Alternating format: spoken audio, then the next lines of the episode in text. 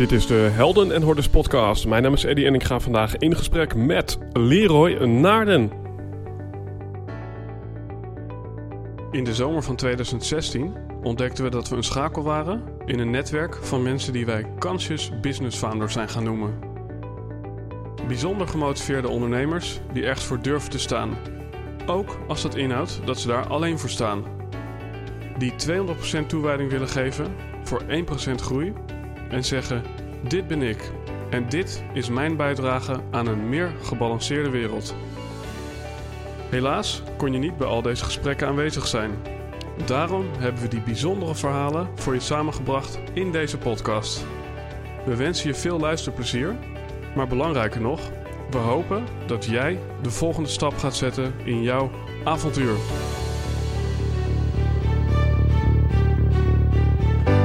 Beste luisteraar, leuk dat je er weer bent. Ik zit hier met een bijzonder genuanceerde en intelligente coach. Zijn naam is Leroy Naarden en hij spreekt over vitaliteit, persoonlijke groei en over leiderschap. Hij is tevens de auteur van het boek Haal meer uit je leven en hij helpt zijn cliënten om het maximale uit hun leven te halen. Dit doet hij vanuit een gecombineerd perspectief van wetenschap, filosofie en spiritualiteit. Leroy is open, eerlijk, nieuwsgierig en kritisch. En met prikkelende en soms confronterende vragen weet hij zijn publiek te inspireren om aan de slag te gaan. Met het creëren van een leven dat de moeite waard is om het te gaan leven. Ladies and gentlemen, Leroy Naarden. Leroy, leuk dat je er bent. Ja, dankjewel voor de uitnodiging. Ehm, je hebt volgens mij al een aantal podcasts bezocht. Ja, dat klopt. En ehm, nou ja, dan eh, is nu eh, er genoeg eh, voorwerk gedaan om bij de echte podcast aan tafel te zitten. hey, ehm, waar ik even met je wil beginnen, Ja. ehm, is dat, dat ik van jou een blogje zag. En daarin zei je eigenlijk dat alles niets is. Als je nog herinnert wat je geschreven hebt. Weet je Ik, nog wat ik bedoel? Ik weet, ik weet wat je bedoelt. Kan je, kan je dat eventjes toelichten? Ik weet niet of dat ik geschreven heb dat alles niets is. Maar wat, ik, wat me er nu van te binnen schiet, Alles komt van niets, dat ja. was het. is dat alles kan bestaan bij de gratie van niets. Mhm. Op een manier hoe dat een wit papier ervoor zorgt dat, je een, dat een tekening zichtbaar wordt op het moment dat je erop gaat tekenen. Ehm, dus dat, was, dat, was een manier, dat is een manier om de metafoor uit te leggen. Mhm. En daarnaast kan je het ook nog heel erg diep de theoretische natuurkunde induiken. Ehm, omdat daar ook steeds meer ontdekkingen ontstaan waarin we zien dat het grootste gedeelte van het universum waarin wij leven bestaat uit lege ruimte. Of althans, wij denken Mhm. dat het lege ruimte is. Maar dat het eigenlijk een, eh, de achtergrond vormt waar onze hele materiële wereld uit voortkomt. Ehm, en dan in die zin is alles komt uit niets. Is dus hetgene wat wij als zichtbaar ervaren, dat dat komt uit het onzichtbare. Ja, mooi. Ja, want ik herinner me ook iets van dat je het had over de binnenkant van een wiel is als het ware een, een, een lege ruimte. Ja. En zo had je er geloof ik nog een aantal. Nou ja, dat is. ehm, ja, ik zou willen dat ik dat bedacht had, maar dat is Confucius die dat eh 3000 jaar geleden al eh, met, die, eh, met die analogie op de proppen kwam. Nee, dus ehm, ehm, in dat stukje uit eh, de Tao Te Ching, daar heeft hij dus inderdaad ook over eh, ja, een, een, een wiel dat de, de spaken van het wiel, dat de lege ruimte eigenlijk het wiel vormt. Of Mhm. bij een huis, dat de lege ruimte tussen de muren het huis vormen. Mhm. En dat daarin dus ehm, de leegte ehm, minstens zo belangrijk, of misschien nog wel belangrijker is dan ehm, het materiële eromheen. Mhm. Ja, en, en alles komt uit niets. Nou, dat weten we nu uit jouw verhaal. En, en nu, nu ik dat weet... eh, ja, in eerste instantie komt er juist weer iets bij nu. in plaats van dat er nu iets eh, Ja. aan niets bij komt. Ja, je snapt wat ik bedoel. Is met je mindfuck dit. Maar eh, oké, dus even de hypothese. eh, alles komt uit niets. Ja. En nu weet ik dat. En, en wat brengt dat mij? Waar, waar, waar draagt het dan bij om, om, om dit inzicht te hebben? Ja, dat is wel een goede vraag. Ehm, want wat, wat maakt het relevant, hè? Mhm. En ehm, de manier waarop het in mijn werk relevant maakt, dus ehm, in mijn werk als coach, is dat ik mensen uitnodig om oncomfortabel te zijn of om het oncomfortabele te ervaren van iets even niet weten, Mhm. omdat het antwoord komt wel, Mhm. alleen het idee dat jij ehm, controle hebt over het tempo waarmee dat gebeurt, Mhm. dat, is, dat is een gedachte die jij erbij hebt. Ehm, maar het antwoord komt uiteindelijk uit het niets. Maar op het moment dat jij het jezelf niet gunt om daar even in te zitten in dat niets, Mhm. dan kom je in een stadium terecht waarin je al, alleen maar dingen aan het doen bent. Ja. En dan ga je maar door en dan ga Ja. je maar door en dan ga je op zoek naar antwoorden of je gaat, je gaat dingen doen. Ehm, in plaats van af en toe even pauze te drukken, even Ja. adem te halen, Ja. even te, eh, ja, ik noem het altijd te marineren in het niks. Ehm, en dan te kijken wat er dan doorkomt. Want de kans dat er dan iets nieuws of een nieuwe gedachte of een, nieuwe, of een nieuw inzicht doorkomt, dat dat veel groter is dan wanneer je hetzelfde maar blijft herhalen en herhalen en herhalen. En dat Ja. steeds een soort van eh, oude wijn in nieuwe zakken is. Ja, dus eigenlijk door naar het niets te gaan, komt er iets nieuws. Dus je kan, gaat eigenlijk van niets naar nieuws. In plaats van van eh, alles naar hetzelfde. Ja. Ja, het- het- een, een ander voorbeeld wat ik er wel eens over gehoord heb, is dat eh, stel dat jij 80 jaar oud wordt, Mhm. is dat ehm, heel veel mensen die leven 80 keer één jaar in plaats van dat zij één keer 80 jaar leven. Omdat ze eigenlijk in zo'n stramien zitten dat het steeds dezelfde gedachten, dezelfde handelingen zijn Mhm. die, die hun leven vormgeven. En dat daar dus niks verrassends, niks origineels, niks authentieks op een gegeven moment mee Mhm. in zit. Omdat het steeds een herhaling van zetten is. Mhm. Terwijl als je jezelf toestaat om even die, die ruimte te pakken, dat je dan ehm, ja, dat de kans dat er iets origineels uitkomt veel groter is. Ja, en dan zeg je één keer 80 jaar, maar dat klinkt eigenlijk eh, nog meer als een eenheidskoek. dus volgens mij, ik snap wat je zegt Ja. hoor, maar, maar misschien is het beter om te zeggen van eh, eh, 365 dagen achter elkaar steeds weer Ja. een, een volgend niveau. Of st- steeds weer een, Ja. nieuw, een nieuw inzicht. Of, Ja, Dat, het, dat, het, dat het steeds nieuw en vers en origineel is, in plaats van dat het een boterham is die al vijf dagen op de aanrecht lag. Ja, dus enerzijds is het belangrijk omdat dat vernieuwing schept. En anderzijds is het volgens mij, wat ik eh, heb eh, horen, horen schrijven, wou ik zeggen. Ja. Nou, ik schrijf vrij hard. ja, of ik zou eh, eh, blind zijn. En, Ja. eh, dat zit in een eh, serie nu op Netflix. eh, dat meisje dat praat met de computer, niet praat terug. Nou goed, anyhow. Maakt niet uit. Ehm, maar het andere is dus eh, dat dat eh, stukje rust ook nodig is... in de hoeveelheid prikkels die we nu allemaal krijgen. Ja. Dat, dat was volgens mij... Dus, dus, dus wat weegt jou daarin... eh, dus de- wat was jouw intentie vooral met dit bericht? Namelijk, het niets is ook de rust die je nodig hebt om... Ja. Of, Ja, of de- was de intentie om vooral veel nieuwe dingen te creëren? Nee, de intentie was, ehm, waar ik mee start, om mensen te laten zien van... Je hebt die balans nodig. Mhm. En ehm, op het moment dat jij maar door blijft gaan en ehm, wegloopt voor... Want op het moment dat je rust hebt of stilte hebt... dan word je geconfronteerd met jezelf, zoals ze dat dan wel eens noemen. En sommige mensen die zijn dat niet gewend. Die hebben, dan, die hebben altijd afleiding nodig... omdat Mhm. ze op een of andere manier angstig zijn voor wat er overblijft... op het moment dat de afleiding weg is. En eh, dat blogartikel was een uitnodiging om gewoon eens wat vaker op pauze te drukken, wat vaker stil te staan Mhm. en te kijken wat er dan, of er iets nieuws in je opkomt. En misschien komt er helemaal niks nieuws, Ja, maar alleen al gewoon even pas op de plaats maken ervaren heel veel mensen als rustgevend. En ehm, in plaats van dat je daarvoor per se een half uur moet gaan mediteren iedere dag, kan je ook gewoon een minuut even pff, relax doen. En dan, dan kan je hetzelfde effect bereiken. ja, want... Nou ja, goed, dat is een brainwave die ik zelf had. Hè, maar we horen natuurlijk vaak dat we ook meer rust moeten eh, creëren in ons drukke leven. En toen dacht ik bij mezelf... ehm, ja, we hebben misschien meer prikkels. Eh, er wordt gezegd dat een mens vandaag net zoveel prikkels krijgt... als iemand in de 15e eeuw in zijn hele leven. Ja. Dus daarin onderschrijf ik van ja, dat klopt. We hebben wel veel prikkels. En tegelijkertijd ja, hebben we het allemaal over rust. Maar hebben we niet al een vrij rustig leven? uh, op, op een misschien iets ander uh, metaniveau. Want weet je, ik kan me voorstellen dat als je in oorlog leeft, ja, dan, dan is er ook een soort constante onrust, zowel intern als extern. Als je in uh, voedselschaarste leeft, dan is er ook onrust. Dan kan je niet gaan chillen, want je weet niet of je dan een uur later nog wel wat te eten hebt. En in die zin hè, kun je afvragen: is er nu eigenlijk wel behoefte aan nog meer rust? Want in je basisbehoeften volgens Maslow zijn we allemaal voorzien. Dus, dus waarom, waarom moeten we eigenlijk nog meer rust hebben? Nou, het laatste wat ik wil is tegen mensen zeggen dat ze iets moeten doen. Oké. Ehm, wat ik wel. Kijk, de wereld waarin we leven is een duale wereld. Mhm. Ehm, en het, als ik terugkom op het artikel, wat ik daar ook schrijf, is van nou, je hebt tussen woorden zit een spatie.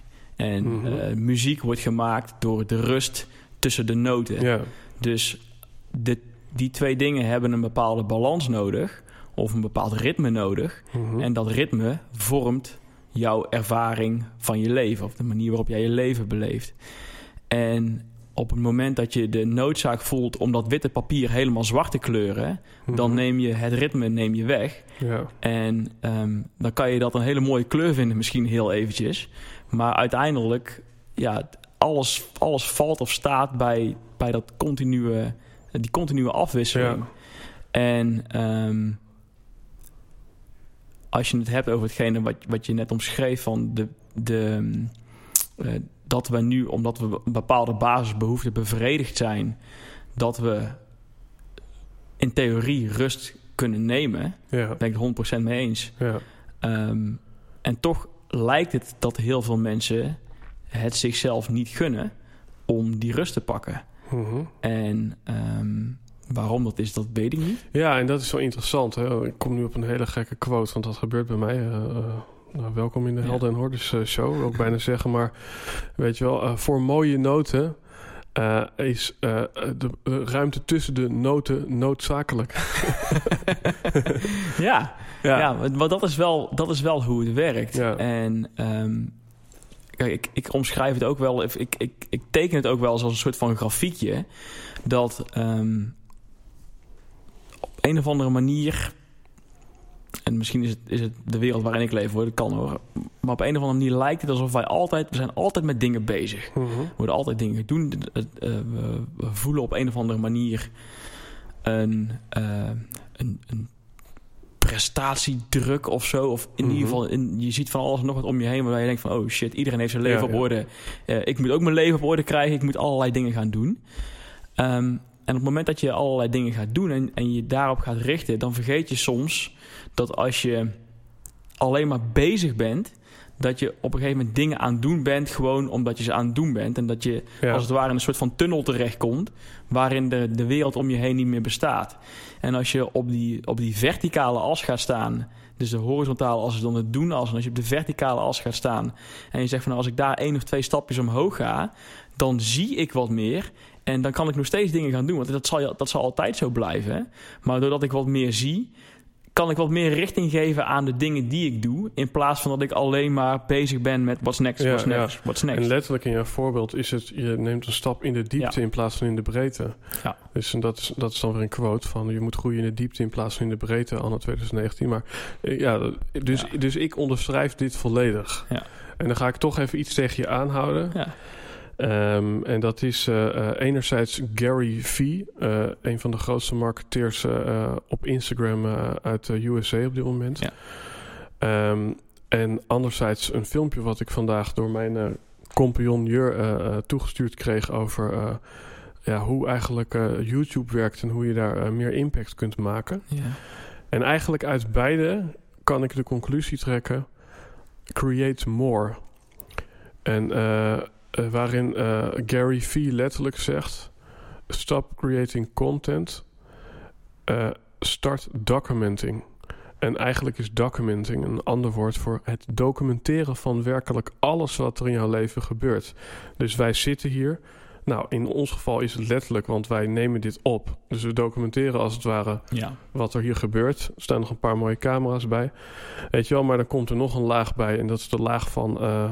eh, dat het zometeen op story staat en op Instagram. Nou, nu is dat even een bewuste keus. En is dat op een bepaalde manier ook voorbereid. We hebben een afspraak gemaakt dat we dat zo gaan doen. Maar hoe verhoud jij je tot zo'n Gary Vee die eigenlijk zegt... Uh, we moeten veel meer gaan creëren. Want, zegt hij, zelfs als jij al goed in shape bent en jij bent in shape... kun je nog steeds nog sterker worden. Ja. Um, nou, ik denk dat... Want dat is iets... Ik zeg het omdat het iets heel anders is dan die rust inbouwen. Nou, nou ja... Um, uh, ik, ik begrijp waar de vraag vandaan komt. Um, zoals ik het zie, is... Je vraagt het nu aan mij, dus dit is mijn mening. Snap ik. Um, als, ik het, als je het hebt over documenting eh, versus creating... Dan, zie ik, dan zijn dat in mijn optiek twee verschillende begrippen. Mhm. Dus als ik documenting als ik dat voor me zie, dan denk ik van, nou, dan koop ik zo'n drone, hè, die gooi ik omhoog en die volgt mij de hele dag en die filmt dat en dat wordt dan live gestreamd of zo en ergens weggezet. Als ik het heb over creating, mhm. creating is in mijn definitie van niets iets maken. Dan creëer je iets. Um, en dan, dan ben je terug bij, ja, dan ben je bij het antwoord op de vraag. Iets creëren is dat ontstaat vanuit het niets. En um, anders ben je niet creatief bezig. Dan ben je... A calm mind is a creative mind. Ja, ja. En, en goed, jullie zijn allebei creatief. Dus je zal het ongetwijfeld herkennen dat op het moment dat jij moet produceren... dan gaat de creativiteit eruit. Terwijl op het moment dat jij wacht... er komt een moment van inspiratie. Al die, al die momentjes die jij net had... waar je zei, er schiet mij nu iets te binnen... Ja. dat is een moment van inspiratie. Waar dat vandaan komt... Ik zeg, het komt uit het niets. Ja. Um, en die momenten hebben we allemaal. Die, die genialiteit, die bezitten wij allemaal. Um, alleen op het moment dat ik me ga focussen op de taak van het produceren... want dan heb je er eigenlijk meer over produceren dan over creëren... Ja, mooi. Dan, um, ja, dan is de creativiteit eruit. En dat is niet erg als je zegt van... nou, mijn doel is om te produceren...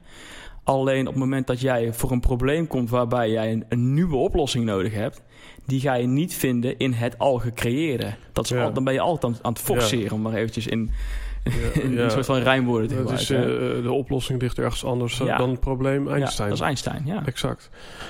Um, vind ik ook een hele mooie uh, vanuit weer een andere hoek. En dan haal ik er weer een voorbeeld bij. En ik geloof dat zij Esther Megens heet. Esther, misschien heb je een andere achternaam. Laat het me alsjeblieft weten. um, en dan hebben we het over Esther.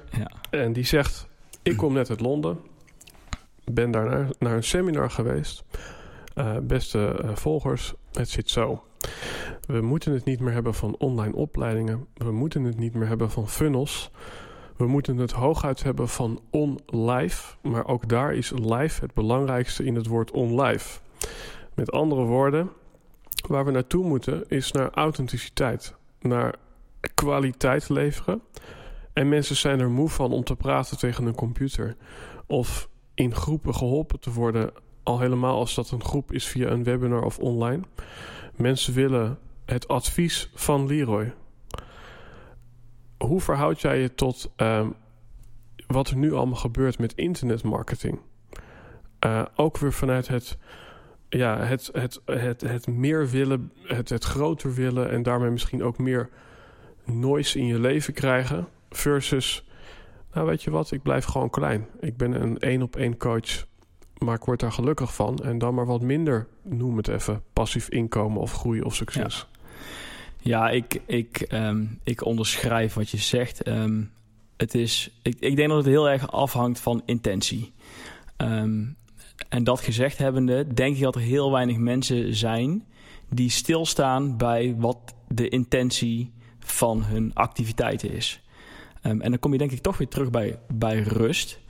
Want um, als jij een online imperium wil bouwen, ja, dan, zal je, dan, dan zullen er dingen gedaan moeten worden. Mm -hmm. um, maar als jij een één op, als jij zegt van nou, ik vind het prettig om één op één coaching te doen en dat is de, de ding, daar ga ik van aan en daar, daar kan ik mensen mee helpen. En um, je staat er nooit bij stil dat dat hetgene is wat voor jou werkt. En jij volgt toevallig het advies van iemand die mensen leert om een internet-imperium op te bouwen. Mhm. ja, dat, dan ben je aan het struggelen. Want dan, dan matcht het niet. Ehm, maar op het moment dat je jezelf even de tijd gunt van, om, om na te denken van nou, uh, wat wil ik? Uh, wat zijn mijn sterke eigenschappen? Waar, waar, matchen, waar, waar kruisen die dingen elkaar? En waar, waar zit überhaupt een businessmodel? Want we hebben het nu over ondernemen natuurlijk. Van, ja, zit daar ook nog een, een facet in waarmee ik daar een inkomen mee kan verdienen? Nou, en dan wil je die, die, dat kruispunt wil je vinden. Um, en dan op basis daarvan ga je dingen ondernemen. Um, maar op het moment dat je zegt van nou, uh, we hebben het er straks in het voorgesprek natuurlijk mm. even over gehad. Van ik, ik ben één op één coach en ik uh, moet funnels gaan bouwen. En uh, dat, want dat is wat ik zie en dat is wat ik hoor om me heen. Terwijl je aan de andere kant ook je telefoon kan pakken en je contactenlijst kan bellen. En dat je daar net zo goed je, je business uit kan halen. Ja, het zijn alle twee opties. Alleen op het moment dat je nooit jezelf de kans geeft om te onderzoeken welke opties er zijn, dan is er een, ja, dan, dan is er een kans dat je verzandt in doen, doen, doen, doen, doen, doen, doen. Zonder dat er daadwerkelijk iets, iets effectiefs ja, uitkomt. Maar daarin hoor ik eigenlijk ook uh, inderdaad doen, doen, doen, doen, doen. Maar ook klakkeloos advies opvolgen. Ja. En eigenlijk is beide misschien een resultaat van wantrouwen. En daarin uh, in maar gewoon wat doen omdat je bang bent dat je anders uh, uh, aan het eind van de maand uh, als, als bedrijfje niet meer bestaat of wat dan ook? Ja, nou ja, waar het vandaan komt, weet ik niet. Um, de manier waarop ik naar dingen kijk is altijd van... Ik ga, er al, ik ga ervan uit dat mensen dingen in alle onschuld doen. Mm -hmm. En dat betekent niet onschuld is en dat, ze, dat het allemaal... Um, uh, ons, dat ze onschuldige activiteiten hebben. Maar dat zij um, reageren op wat hun beeld van de wereld op dat moment is. Mm -hmm. Dus als jij, als, als, jij een bepaald, als jij in een bepaalde situatie zit in een bepaald beeld van de wereld waarin jij die informatie op je afkrijgt, mm -hmm. dan ga jij in alle onschuld ga jij handelen naar die informatie die je krijgt. Totdat je er op een gegeven moment achterloopt of achterkomt dat, je, dat het niet werkt, of je loopt vast, of nou, wat dan ook. Um, dan ga je herevalueren. Dan is je beeld van de wereld weer anders. En dan ga je kijken van nou, wat is nu um, logisch. Ja. Um, alleen dat stilstaan bij van oké, okay, uh, uh, reageer ik nu uit een reflex? Mm -hmm. Of is het iets waarvan ik merk van ja, dat, dat past bij mij of daar word ik heen getrokken of welk woord dat je daar ook voor wil gebruiken. ik denk dat daar soms wat meer aandacht aan besteed kan worden. Ja. Ja, dus eigenlijk ook een stukje bewustzijn bij nou ja, wat je ook doet. Uh, ja. uh, observeer eigenlijk wat er eventjes uh, hier gebeurt. In ja. plaats van nou ja, een beetje onbewust, maar gewoon door te akkeren. Ja. En dan hebben we het over coaching. En zometeen gaan we ook nog naar jou, schrik niet. Maar um, hè, dan kunnen we denk ik allebei wel concluderen dat het landschap van zelfhulp groot is. Ja. Dat er misschien meer coaches zijn dan coaches. En nou ja, ik geloof dat jij een opleiding vitaliteitscoach aan het ja. doen bent. Wat nog een soort afslag binnen het vakgebied is. Ja, nou die opleiding die heb ik gedaan. Um, die heb je afgerond? Ja, die heb ik afgerond, ja. Um, nou, misschien, ik weet of jij een vraag wilde stellen. Want ik, ha ik haak er nou op in. Ja, nee, weet je, ga maar door. Het is up to you. Nou, wat ik, um, wat ik merk bij de de coaches die ik spreek, is dat er soms, um, zoals het op mij overkomt, verwarring is tussen wanneer jij wanneer je advies geeft en wanneer je coach bent. Dus wanneer je zeg maar consultant bent of wanneer je coach bent. dus in mijn geval, ik ben eh, opgeleid tot vitaliteitscoach. Nou, dan het woord vitaliteit, dat past binnen een bepaald kader. En het kader ja. waarin ik dat geleerd heb, is dat je mensen de vaardigheden geeft om uh, meer uit het leven te halen. Mm -hmm. um, dus dat is, dat is het stukje wat uh, het woord vitaliteit vertegenwoordigt in de titel uh, vitaliteitscoach. Ja. En op het moment dat ik me daarmee bezighoud, dan ben ik dus mensen dingen aan het leren of aan het adviseren of dan geef ik ze tools of iets in die zin. Um, waar ik de laatste jaren steeds meer heen gegroeid ben, is wat ik met het be de beste manier waarop ik dat kan omschrijven is coach. Ja. Gewoon exact. zonder ja. iets ervoor te zetten. En ik ben daar best wel een purist in. Mhm. En ehm, eh, nou, ik, ik maak mezelf niet over heel veel dingen druk, maar daar kan ik me nog wel eens over druk maken. Dat ik denk van, ik probeer heel erg goed voor mezelf te definiëren wat is dan mijn rol wanneer ik puur en alleen coach ben. En ehm, dat is het vermogen om gaten te prikken in iemands realiteit. Uh, met als doel om meer uit die persoon te halen dan dat hij of zij uh, op eigen houtje eruit had kunnen halen. Mhm. Dus dat heeft niks te maken met het oplossen van een probleem. Want dat is waar je veel coaches tegenwoordig voor ziet. Je, je, je, je uh, burn-out coaches of Mhm. business coaches, of maakt niet uit. Maar het, het woordje wat ervoor staat geeft eigenlijk al aan dat iemand een bepaald probleem heeft. En dat die specifieke coach de tools en de tricks en de, de stappenplannetjes Ja, mooi, ja. heeft um, om dat probleem op te lossen. En um, op een of andere manier heb ik daar, heeft dat altijd een beetje geschuurd bij mij. En vandaar dat ik dat, dus dat vak coach ook ben gaan definiëren of ben gaan proberen te definiëren.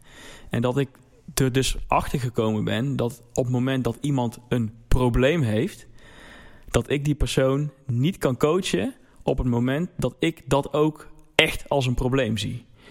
En dat is voor mij het onderscheid wat ik maak wanneer mensen mij om hulp vragen. Als ze bij mij, ze kunnen bij mij, ja, oorspronkelijk vitaliteitscoach, inmiddels maakt het maar echt geen reet uit waar mensen mee aankomen.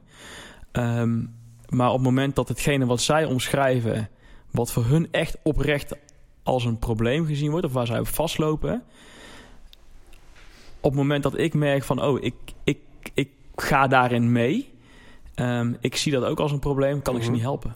Ik vind het mooi, want hè, ik pak even vitaliteitscoach. Eerste woord is als het ware de oplossing. Het tweede woord coach is als het ware de vorm waarin je die oplossing creëert. Als Ja. we even daar vanuit gaan. Hè? Ja. Andere is bijvoorbeeld burn-out coach. Nou, kan je zeggen, het eerste is het probleem. Ja. En daarna kom je weer opnieuw op de manier waarop je het probleem gaat eh, aanvallen of veranderen.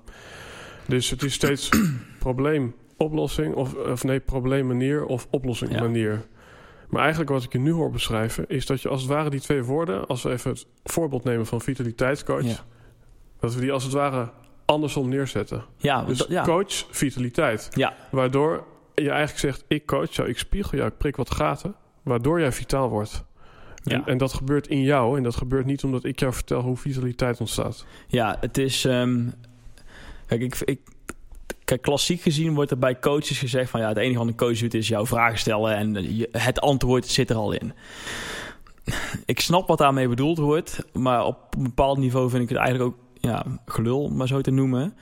Ehm, omdat als iemand, als iemand in een situatie komt waar ik ook in gezeten heb en die vraagt mij om advies als ervaringsdeskundige zijnde en ik stel zo iemand de vraag van ja, wat denk je zelf?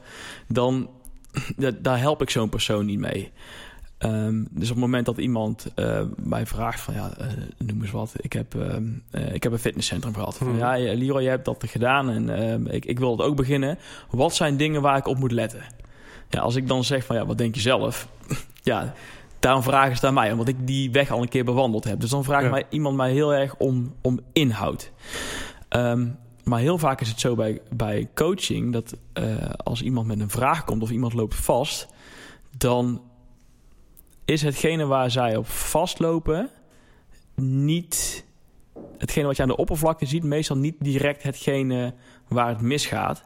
En dan is het de zaak om vragen te gaan stellen van ja, waarom, waarom zie jij dit als een probleem? Of Mhm. hoe, hoe voelt dat? Of hoe uitzicht dat? Of nou, een beetje Ja, dus van voor je een probleem gaat oplossen, check eerst even of het wel een probleem was. ja, wat, wat het, en, en, Ja. en heel vaak gebeurt het in die situatie. En dat is zeg maar het, het, het niveau waar ik nu in zit, of de mensen die ik nu help, is dat ehm, daar de antwoorden zitten. Dus Ja. daar, zit, daar heb ik de antwoorden niet. Daar zitten de antwoorden echt van binnen. Dus dan gaat het niet over, over inhoud, maar dan gaat het meer over de context waarbinnen iets ontstaat. En dan, dan kan je die context heel makkelijk oplossen, waardoor iemand een inzicht krijgt. Mhm.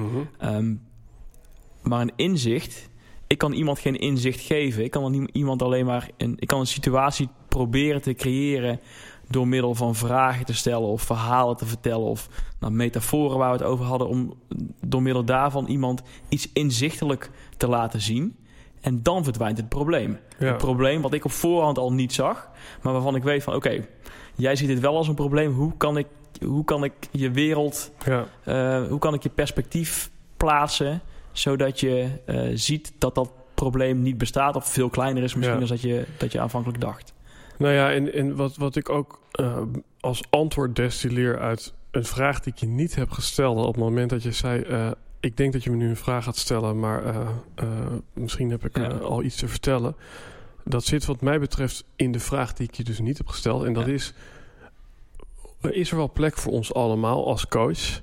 Maar wat ik hier nu uithaal ehm, is, ja, die plek is er.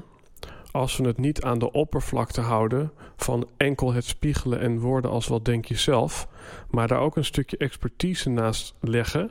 Eh, waarom wij hier ons eh, vierkante meter eh, hebben. Ja. Want jouw vierkante meter zit misschien op het stukje vitaliteit, maar misschien op een dieper niveau op een stukje rust. Een, een, een woord wat bij jou telkens terugkomt. In, in mijn geval, ik kan daar ook nog een mooie toevoeging aan doen. Ik heb altijd inderdaad mensen geholpen hun verhaal te bevrijden. Ehm, en ehm, ja, dat als ik het ware zeg van nou ja, nu heb je essentie, nu kun je het verhaal gaan vertellen of schrijven. Maar wat blijkt nou? Ik ben gewoon een goede schrijver van verhalen. Of een goede verwoorder van verhalen. En het zou gewoon bijna een crime zijn, eh, zoals Eva Jinek zegt. Op het moment dat ik niet mijn expertise om woorden aan dingen te geven, Ja. eh, zou eh, gebruiken om iemand dat hij het niet alleen in zijn hoofd snapt, maar dat hij het ook nog kan vertellen in mooie woorden. Ja.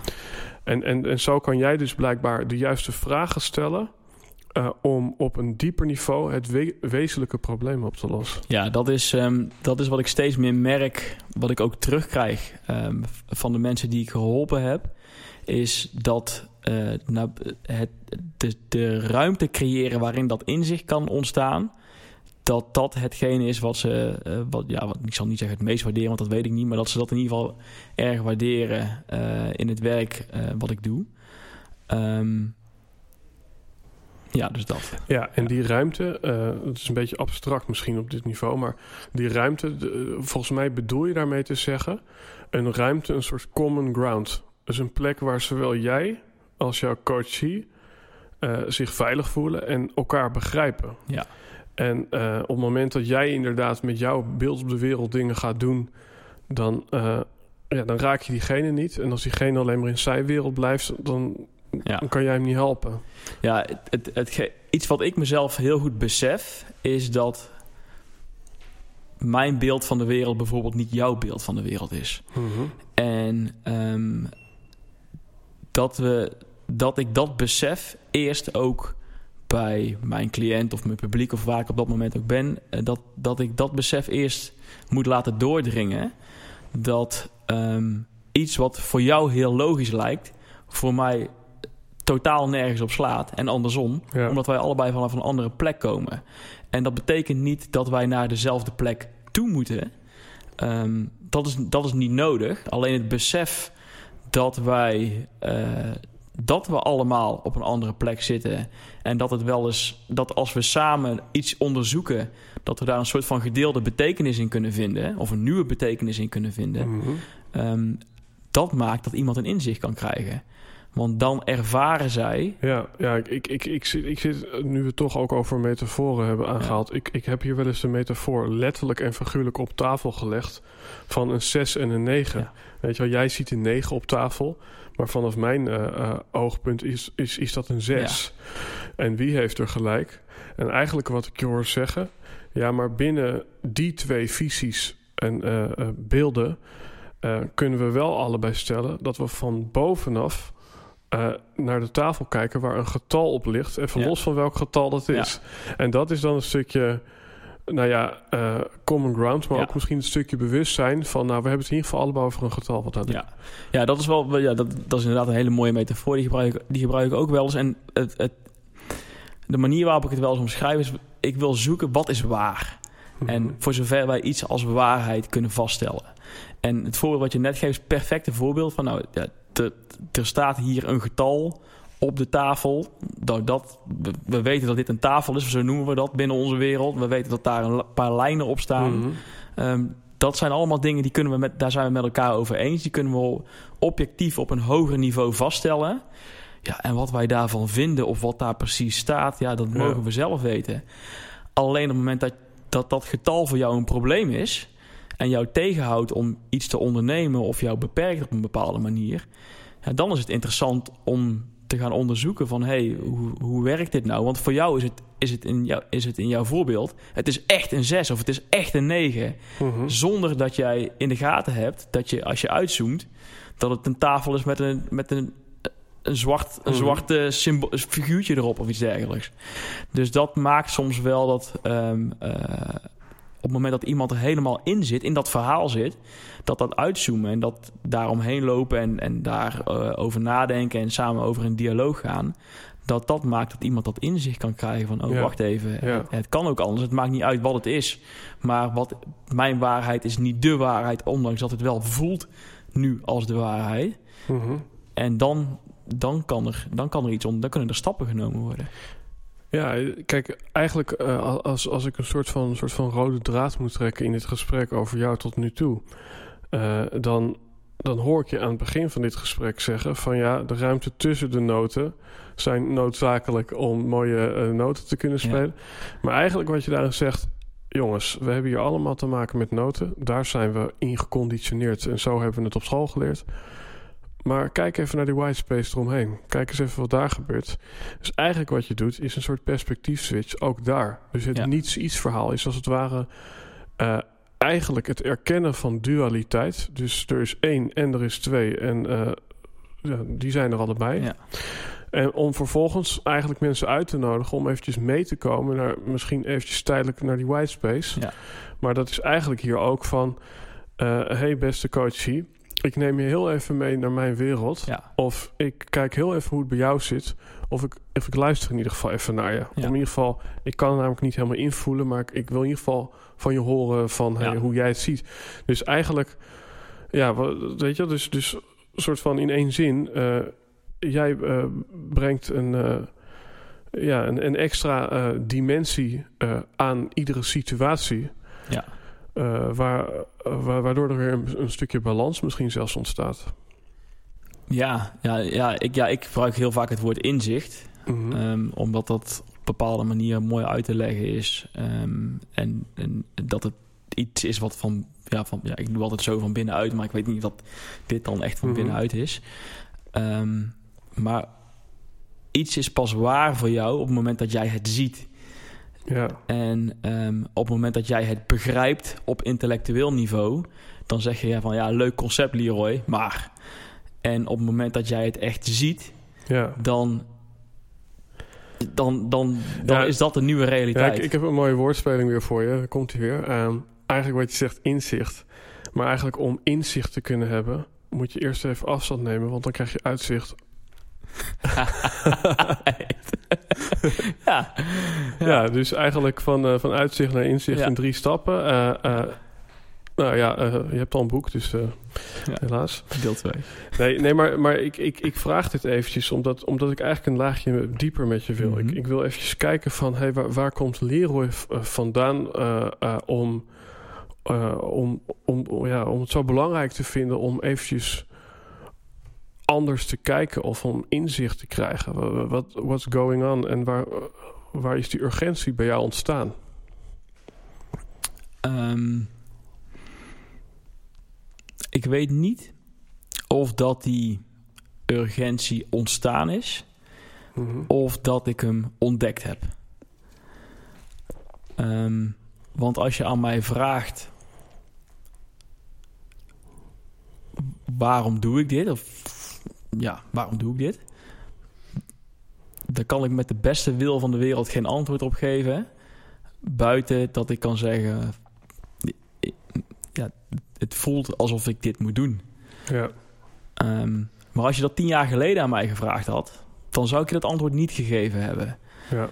Dus um, ik weet niet of dat iets is waar ik met mijn rationele brein bij kan komen. Ik kan natuurlijk wel, ik kan wel iets bedenken, ja. maar dan, dan zou ik iets bedenken. Dus het enige wat ik kan zeggen is dat ja, ja, ik moet dit doen, punt. En alles wat ik achter de punt zet, verzin ik erbij. Ja. Ehm, moet ik dit over een jaar nog steeds doen? Weet ik niet. Moet ik dit morgen nog steeds doen? Weet ik niet. Nee. Moet ik het nu doen? Ja. Ja. Maar ook hierin zeg je, ik, ik, uh, het, het, is niet ontstaan, maar ik heb het als het ware ontdekt. Ja. Um, dus ook eigenlijk uit dit stukje uh, spreekt opnieuw.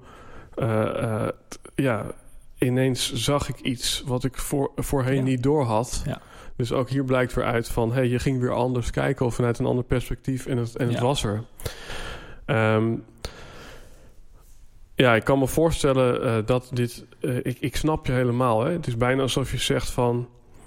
het verhaal, zoals Paul Smit ook wel eens zegt... komt vaak na een gebeurtenis... en Ja. niet voor een gebeurtenis. Dus je kunt een verhaal nooit als reden aanwijzen... waarom je nu doet zoals je het doet. Nee. Dat noemen ze dan cognitieve dissonantie met Ja. een duur woord. Maar ik, maar ik hoor een beetje zo'n luisteraar die denkt... ja, fuck hé man, die, die Leroy die, eh, die heeft een boek geschreven. Ja. Eh, die zegt daar een partij mooie dingen.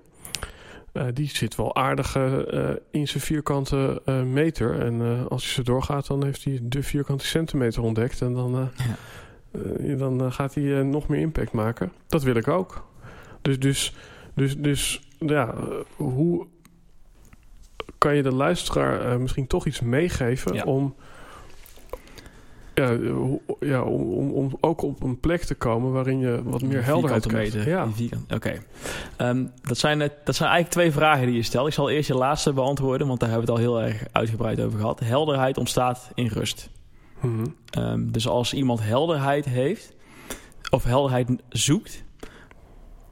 Nou, ik zal het niet zeggen, ik, ik durf mijn hand, ja, ik, ik durf mijn hand, ik zal mijn hand er niet voor in het vuur steken. Ik durf het wel, maar ik doe het niet. Maar op het moment dat je er naar op zoek bent, dan zou mijn eerste advies zijn: stop met zoeken.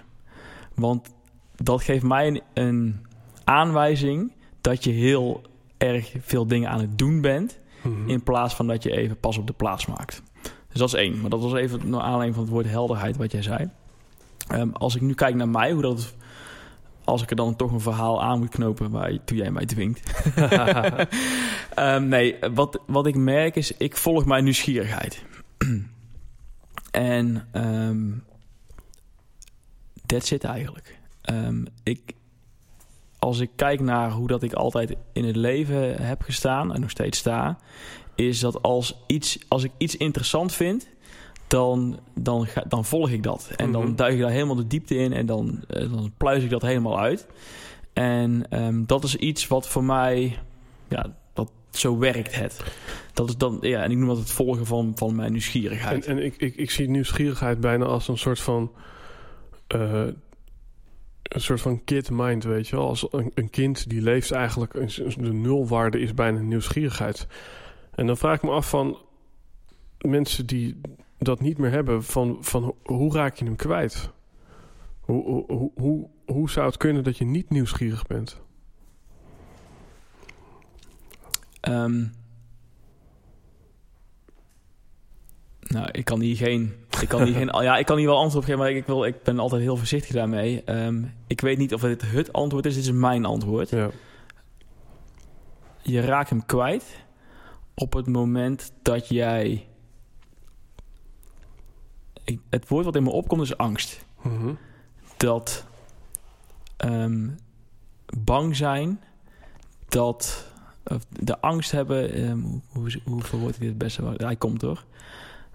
Ehm, een, ja, een verlangen naar zekerheid, naar sensatie, naar aanzien, naar het maken in de maatschappij, naar ehm, al die dingen waarvan jij verwacht dat je ze nodig hebt om jouw leven op een bepaalde manier te kunnen leiden of een bepaalde Mhm. dingen te kunnen ervaren, daar voorrang aan geven. Daarvan kan ik me voorstellen dat je die nieuwsgierigheid nou, je niet verliest, maar dat je vergeet dat die er ook nog is. En op het moment dat je dan beseft van oké, ehm, mijn leven hoeft niet in het teken te staan van die zoektocht naar zekerheid, die zoektocht naar aanzien, die nou vul maar in. Dan geef je die kans, de kans aan die nieuwsgierigheid om op te borrelen en, eh, en om hem te volgen. Ja. ik denk dat het voor jou makkelijker geweest was als ik jou op de man af had gevraagd: ben jij je nieuwsgierigheid wel eens verloren? Want dan is het misschien minder een oplegging en meer gewoon een ervaring zoals bij jou is gegaan. Ehm, ik kan me niet herinneren dat ik hem verloren ben. Waar ik wel heel erg mee geworsteld heb, is dat ik, ehm, als je dan bijvoorbeeld hebt over zekerheid, dat ik nooit voor me zag hoe dat met mijn pakketje, hoe, hoe ik daar een inkomen mee zou moeten gaan verdienen. Mhm. Ja, dus dan introduceer ik wel het inkomen nu. Uh, maar dat was iets wat voor mij uh, relevant was. Dan denk ik van, oké, ik ben breed geïnteresseerd. Ik ben niet dom. Um, ik ben wel snel afgeleid. En ik weet eigenlijk niet wat ik wil. Ja. Dat was een soort van mix waar ik mee te maken had. Um, maar ik hield wel heel erg van lezen. Nou ja, en, en, en, en dingen uitzoeken. En um, wat ik dus nu gemerkt heb, is dat door daar gehoor aan te geven, iets wat ik eigenlijk op een gegeven moment in een hoekje gestopt heb, dan denk ik van nou, ik moet een opleiding doen, dus ben ik, ik ben, heb de HTS gedaan. Nou, nou, ik heb allerlei dingen gedaan. Um, vanuit een bepaalde voelde ik een bepaalde verplichting naar de buitenwereld om dat te doen, of een bepaalde noodzaak om het te kunnen maken in de buitenwereld. En um, daardoor was ik even vergeten dat, dat dat andere deel van mij er ook nog was. Ja. En op een gegeven moment um, um, ben ik weer gestart met boeken lezen, met dingen bekijken.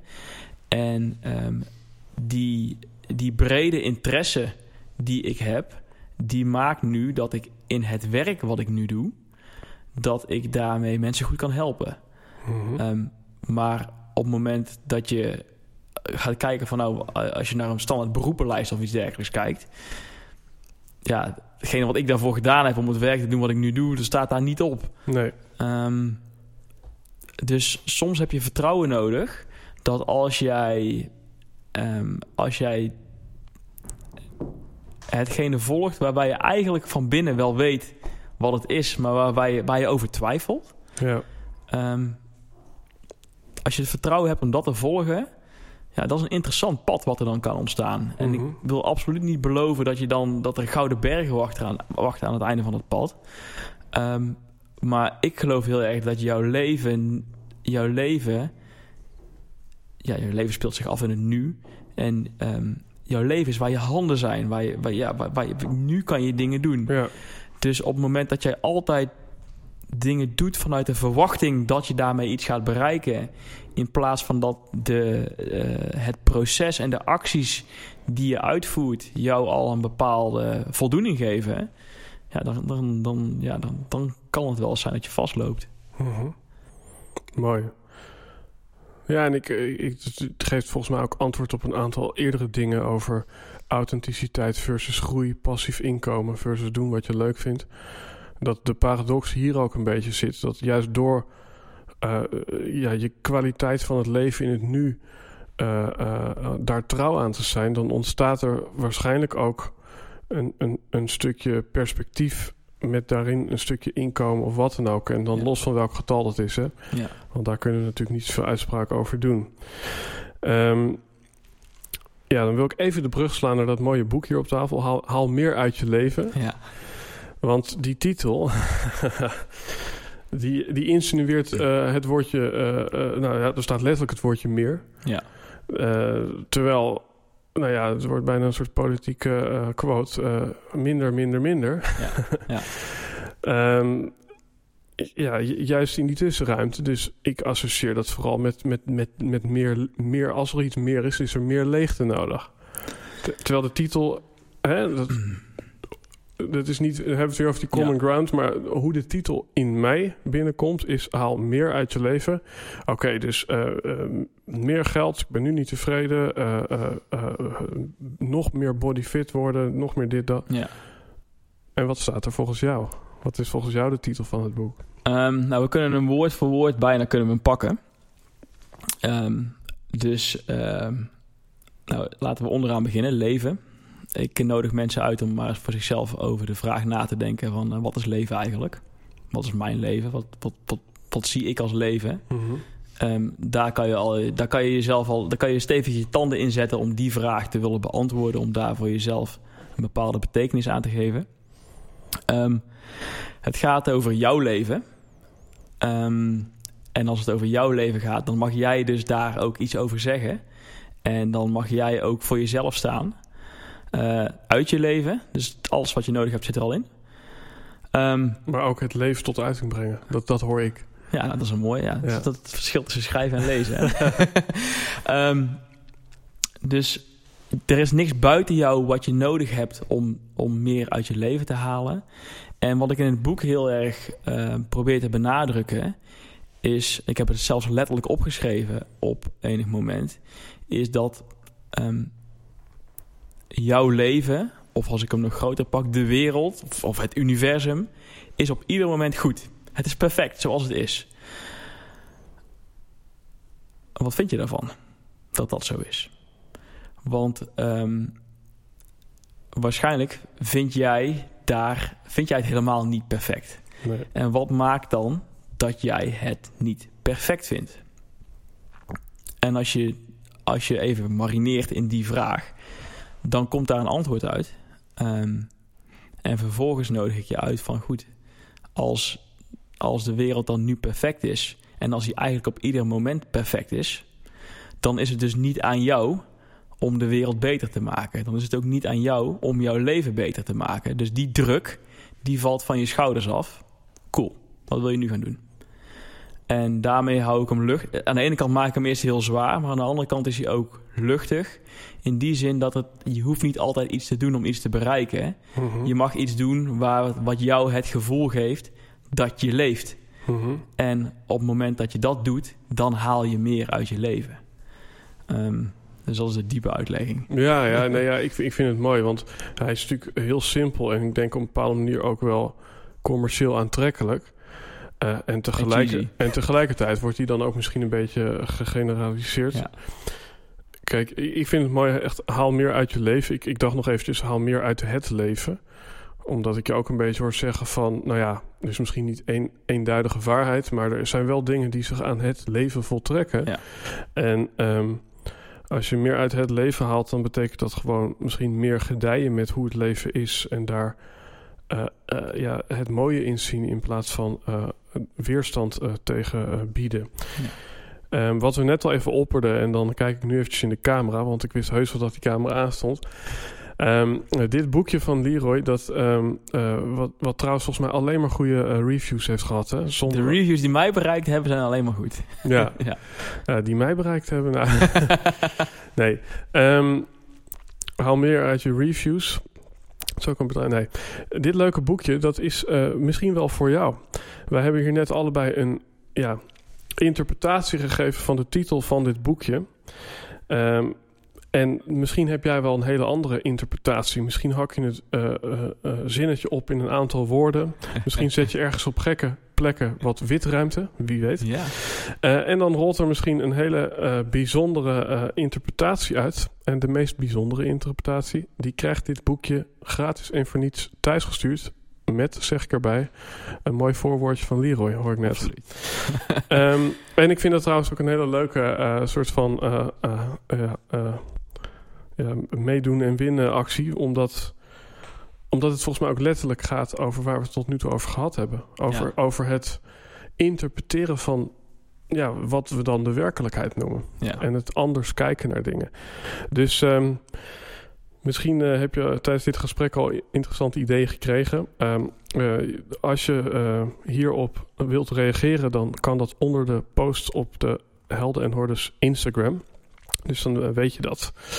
Um, ja, uh, Leroy zit nog steeds in de Helden en Hordes podcast. En wat ik je niet, oh, wat ik je niet heb gevraagd, uh, jij bent iemand die altijd een soort van de onderlaag opzoekt, uh, weten we nu. Dus je gaat als het ware uh, niet het probleem direct oplossen, maar kijken van welke vragen kun ik, kan ik stellen om het werkelijk probleem op te lossen. Mm -hmm. En dan wil ik hem bij jou ook iets anders insteken met de, de heldenvraag. Ja. Toen wou je namelijk vragen. Uh, wie zijn je helden? Maar dan ga ik nog een dag dieper. Wie zijn de helden van je helden? de helden van mijn helden. um, nou, ik kan daar wel een, een antwoord op geven. Niet voor iedereen. Maar uh, een van mijn helden is uh, een man met de naam Dan John. Ehm, ik heb er straks al even laten vallen dat mijn, de carrière waar ik nu in zit gestart is in de fitnessbranche. Mhm. Ehm, Dan John is een, um, een krachttrainer. binnen, binnen de fitness- en, en krachtsportcircuit is hij uh, nou, ik zal niet zeggen heel bekend, maar hij is redelijk bekend binnen de mensen die verstand van zaken hebben, laat ik het zo zeggen. Okay. Ehm, en het mooie van hem is, hij is ook een, uh, hij is niet alleen krachttrainer, maar hij is ook godsdienstleraar. Dus hij weet die twee dingen heel mooi te combineren, waardoor er hele mooie metaforen uitkomen tussen waarin die krachttraining en het, en het leven met elkaar uh, vergelijkt. En um, een van zijn voorbeelden was zijn coach Um, van, uh, van zijn middelbare school toen hij discuswerper was. En die had echt van die, ja, hoe noem dat, van die common sense um, uh, uitspraken. En uh, ik weet niet meer hoe die man heet. Ik, ik, ik, heb het wel lang geweten, maar ik weet niet precies hoe die, hoe die man heet. Maar in zijn boeken schrijft hij er in ieder geval over. Dat hij heel veel ja, van die algemene wijsheden van hem geleerd heeft. En dat die hem heel ver gebracht hebben. Dus dat het altijd niet zo ingewikkeld hoeft te zijn. En dat je, ja, dat je met, met hele eenvoudige dingen een heel eind kan komen. Um, dus van hem weet ik dat hij, een, een, uh, dat hij ook een held heeft. Um, en dan mijn andere helden. Wie zijn mijn andere helden? Nou, ik heb er wel een paar. Ik vind, uh, dat is dan weer best wel diep. Uh, Krishnamurti. Mm -hmm. Ik weet niet of je die kent. Ik wel, ja. ja um, ik vind dat, ik vind wat hij doet als ik, als ik zijn, zijn boeken lees, wat hij deed, moet ik zeggen, sorry. Um, ik vind dat heel mooi dat hij de kracht van zijn geest gebruikt om dingen te doorgronden. Dus niks, uh, ik zou bijna zeggen, zweverigs of woeboes. Gewoon uh, analytisch, maar wel bij een hele mooie, diepe, vaak ook spirituele kern terechtkomen. Of hij een held had, weet ik niet als ik zijn geschriften zo voor me haal, dan denk ik van, nou, volgens mij niet. Want dan, die zou hij meteen uh, um, uh, opgehangen hebben. Mm -hmm. omdat, die, omdat hij zou zeggen van, ja, je hoeft, het, je hoeft het niet buiten jezelf te zoeken, want het zit al in je. Um, De, ja, ja, wat je waarschijnlijk al weet, dus ga ik niet al te diep op in dit keer. Maar wat je zegt bij jezelf. Dus door te vragen naar je held, ja, trommel je wat dingetjes op ja. die, die, die spiegelen met, met, met met ja, wat jij uh, op dit moment in jezelf ambieert of in potentie bent. Ja. Uh, als je dan op de naam Krishnamurti ingaat, dan heb ik wel eens over deze man gehoord dat hij het liefst wilde dat niks werd opgeschreven. Ik weet niet uh, of je dat ook weet. Omdat het daarmee ook in een soort van ja, keurslijf wordt gegoten. waarin, waar, daar hebben we hem weer. Het is wel heel grappig dat je dat zegt. Nu, wat, nu me zo spiegelt. Want ik heb dus, wat, wat ik er straks ook vertelde, nou, in het voorgesprek althans. Um, dat ik in mijn boek, dat ik, had, ik heb daar ook dingen in staan. Nu dat er een, een tweede druk mogelijk aan zit te komen. Waar ik denk van ja, het staat nu zo zwart op wit. Maar ik zou het liever nog een beetje anders omschreven hebben. Ja. Dus ja, als hij ooit die uitspraak gedaan heeft. Dan ik, uh, ik wil mezelf absoluut niet met hem uh, vergelijken. Want ik, ja, ik vind het echt een geniale vent. Um, maar op dat stukje denk ja, daar, daar kan ik heel erg met hem eens zijn. Van ja, als het eenmaal op papier staat, dan krijgt het een bepaalde waarheid ja. die zwaarder weegt dan wanneer het alleen maar woorden of daarvoor zelfs ja, gedachten zijn. Ja, en, en bovendien, uh, dat laat inderdaad de vrije interpretatie uh, weer een beetje uh, achterwege soms. Maar het hele interessante vind ik, is zegt, ik wil men absoluut niet met Krishnamurti vergelijken. Nou, dan heb je het stukje, denk niet een roze olifant. Dus bij deze, dames en heren, de Krishnamurti van het 2019 zit hier gewoon aan tafel. Oh, jeetje. Um, nou, en kijk, wat het ook een beetje is... Um, doordat deze man dit dus blijkbaar gezegd heeft hebben wij het er nu over. Ja. Dus ik moest gisteren ook uh, kijken naar een comedian uh, bij de Wereldrijd Door. Die uh, liet een voorbeeld zien van iemand die dan aan een klimaatdoel anoniem heel veel geld had gestort. maar die had dat wel aan zijn vrouw verteld. Waarop vervolgens zijn vrouw zegt: Mijn man heeft anoniem gestort. Ja. Waarop hij natuurlijk uiteindelijk de meest bekende donateur was van het hele zootje. Ja. Dus er zit altijd een soort dubbelzinnigheid in. In enerzijds anoniem willen zijn en anderzijds ja, proberen eigenlijk je footprint klein te houden, zodat andere mensen zo'n zo'n zo breed mogelijke interpretatie op iets kunnen geven. Ja. Want, want ik geloof ergens ook dat juist door het wel te kaderen, uh, ja, dan kader je het ook nog steeds niet. Want het blijkt dat ik deze titel anders ja. lees dan jij. Um, maar ik denk dat het ook wel weer gaat over het stukje witruimte. En um, ja, dat, dat Eh, ik moet, ja, sorry hoor, maar ik, ik moet even denken aan, aan Jur en ik. We hebben ooit een blog uh, gehad en op een gegeven moment had ik die uh, nog maar twee categorieën.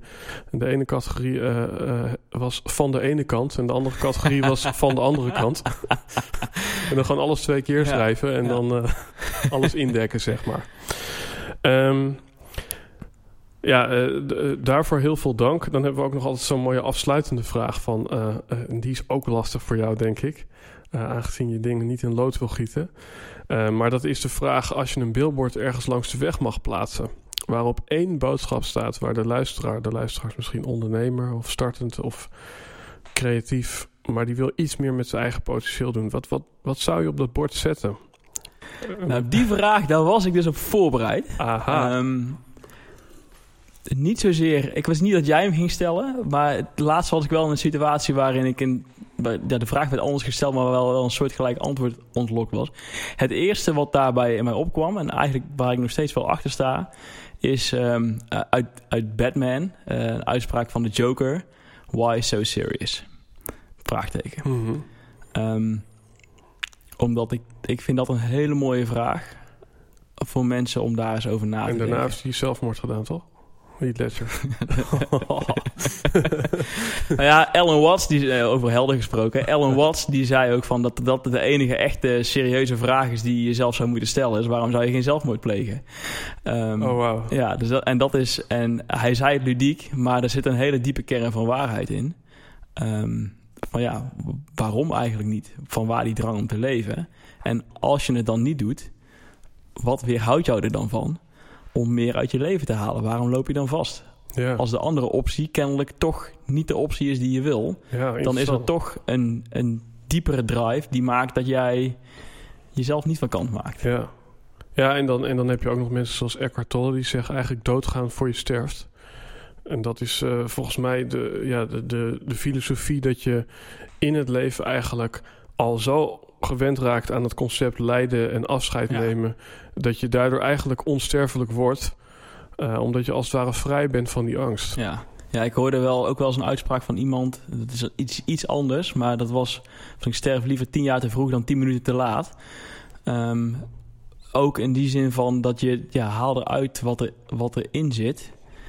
Um, ik had nog een lijntje, maar ik ben hem even kwijt nu. Een dat maakt niet uit. Ja, een, uh, ja. Een heat, heat een lijntje. Oh, ik dacht zo'n lijntje. Niet zo'n lijntje, nee. um, nee, maar dat is wel... Ik bedoel, de, de dood op zichzelf is natuurlijk... Uh, de, ja, ik heb zoiets van... De dood is... Dat bestaat eigenlijk niet. Het is een concept dat wij gecreëerd hebben. En uh, het feit dat we daar zo mee bezig zijn... maakt dat sommige mensen er zodanig onder lijden... dat ze vergeten om te leven. En op het moment dat je beseft dat de dood die wij kennen... die de meeste van ons kennen... alleen maar een concept is... dan dan ga je daar vanzelf wat minder serieus mee om, is mijn ervaring. Ja, mooi. Ja, volgens mij, dit zou bij wijze van spreken een haakje zijn om nog een uur in gesprek te gaan. Uh, uh, wie weet dat we dat nog een keertje doen, maar dan uh, na deze aflevering, als we dan nog leven. in, nou, misschien moeten mensen bij dan gewoon terug de show instemmen. ja, dat, dat gaan we sowieso proberen. Hey, um, ik vond het een heel waardevol gesprek. Ik heb er zelf ook veel uitgehaald. Um, ik vind het ja, opnieuw bewonderenswaardig wat een simpel Instagrammetje uh, uh, over en weer kan betekenen. Uh, en waarin we ja, enerzijds in het land van persoonlijke ontwikkeling, dat is de hoorde kant van de podcast, ons misschien af en toe een beetje vervreemd of eenzaam kunnen gaan voelen. Zoals Edwin Selei gisteren ook nog zei. En anderzijds ja, zijn we toch ook wel weer de grootste familie van Nederland. Ja. Dus dat is volgens mij een slogan van een, uh, nou ja, een podcast voor de uitvinding van de podcast. Ja. um, dus uh, Leroy, uh, ook dit keer zal ik in de show notes van deze aflevering diverse linkjes naar jouw ja, website en social media plaatsen. dit gesprek verschijnt dus ook op YouTube. het boek is dus ja, te verloten. In de show notes lees je nog precies de regels en vind je ook de Instagram pagina om mee te doen. Ik weet niet, uh, Leroy, of jij nog een uh, laatste afsluitende noot of juist witruimte wil laten. ik, uh, daar schiet maar niks naar binnen. Alright, dan gaan we hem afronden. Dankjewel. Ja, jij ook bedankt. Yes, ik heb een hele toffe mededeling. Er komt een event aan met de naam Slagkracht. Een eendaags event voor ondernemers die een blauwdruk willen voor meer resultaat in hun business, in hun sportbeoefening en in hun hele leven. Een sportdag dus eigenlijk voor lichaam en geest. Want in de ochtend krijg je een True Groove Golf Masterclass van professional Michel Put. Iemand die ooit ook in deze podcast aanwezig was. En na een heerlijke lunch gaan we in de middag aan de slag met jouw persoonlijke ontwikkeling met een Helden en Hordes live podcast. Waarschijnlijk zelfs buiten als het weer toestaat. Waarin ik in gesprek ga met de eigenaar van de Big Five for Life Nederlands, Siebe Bonsma. Met als sidekick Michel Put, waardoor we een mooie crossover kunnen leggen. Zodat je sneller en beter leert sporten, sneller en beter leert ondernemen en een betere algehele lifestyle gaat ontwikkelen. En natuurlijk als je hierbij wilt zijn is ook dit keer vol vol. Dus neem een kijkje op true-groove.com. Link staat natuurlijk in de show notes. En wie weet gaan wij elkaar ontmoeten. Wie weet ga je Michel Put ontmoeten. En de eigenaar van de Big Five for Life. Voor meer slagkracht in jouw leven.